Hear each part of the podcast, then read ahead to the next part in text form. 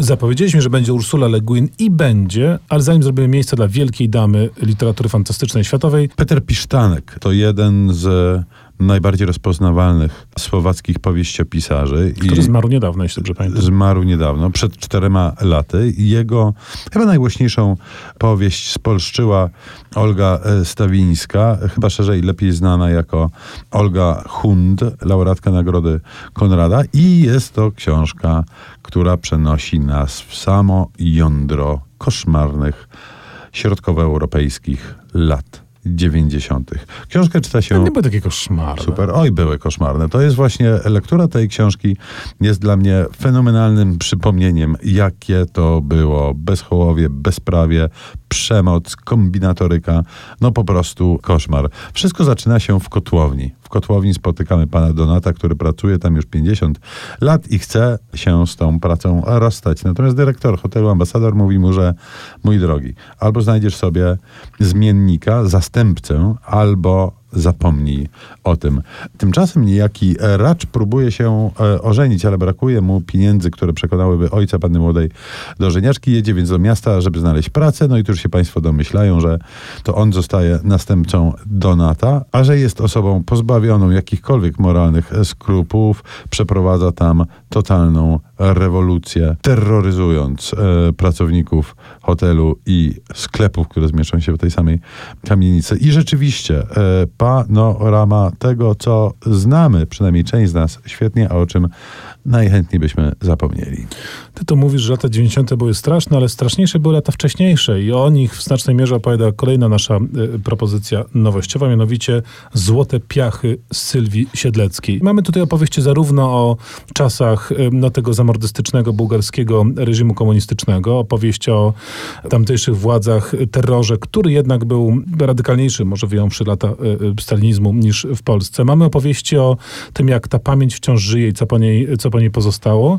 Y, są tam różnego rodzaju sceny, postaci dotyczące różnych aspektów także dzisiejszej rzeczywistości kraju. I na przykład dla mnie fascynującym odkryciem był rozdział o sytuacji mniejszości tureckiej w Bułgarii.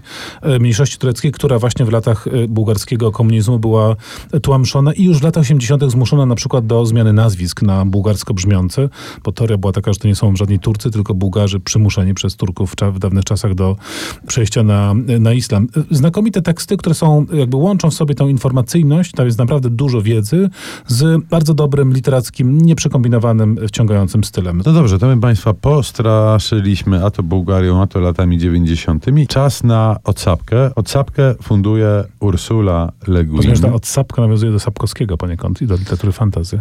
Tak, ale bardzo, bardzo luźno, bo tak naprawdę literatura fantazy jest obecna w tej książce tylko za sprawą okładki i jej szaty graficznej, no i samego nazwiska autorki, bo mamy do czynienia z książką pod tytułem Dotąd dobrze i jest to książka poetycka.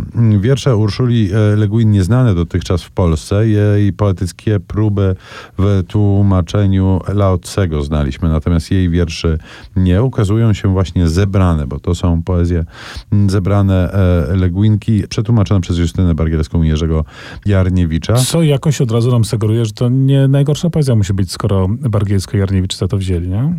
Tak, myślę sobie, że to też jest tak, że e, wydawca tutaj właśnie nie zmieniając okładki i e, prosząc e, rozpoznawalnych polskich poetów o e, pracę nad tłumaczeniem, próbuje jednocześnie znaleźć czytelników wśród fanów fantastyki, jak i wśród fanów poezji współczesnej.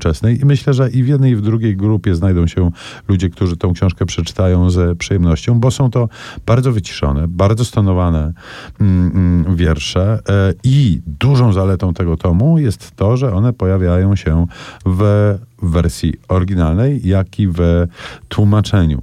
Dotąd dobrze. No właśnie, e, i oby tak zostało taki pogodny nastrój wprowadziłeś mówiąc o poezji Ursula Le Guin, to pozostanie w tym pogodnym nastroju. Posłuchajmy muzyki nie do końca związanej może z tematem, ale pogodnej. Y, pan Guidaldi, kompozycja y, kojarzona z animowaną wersją Fistaszków.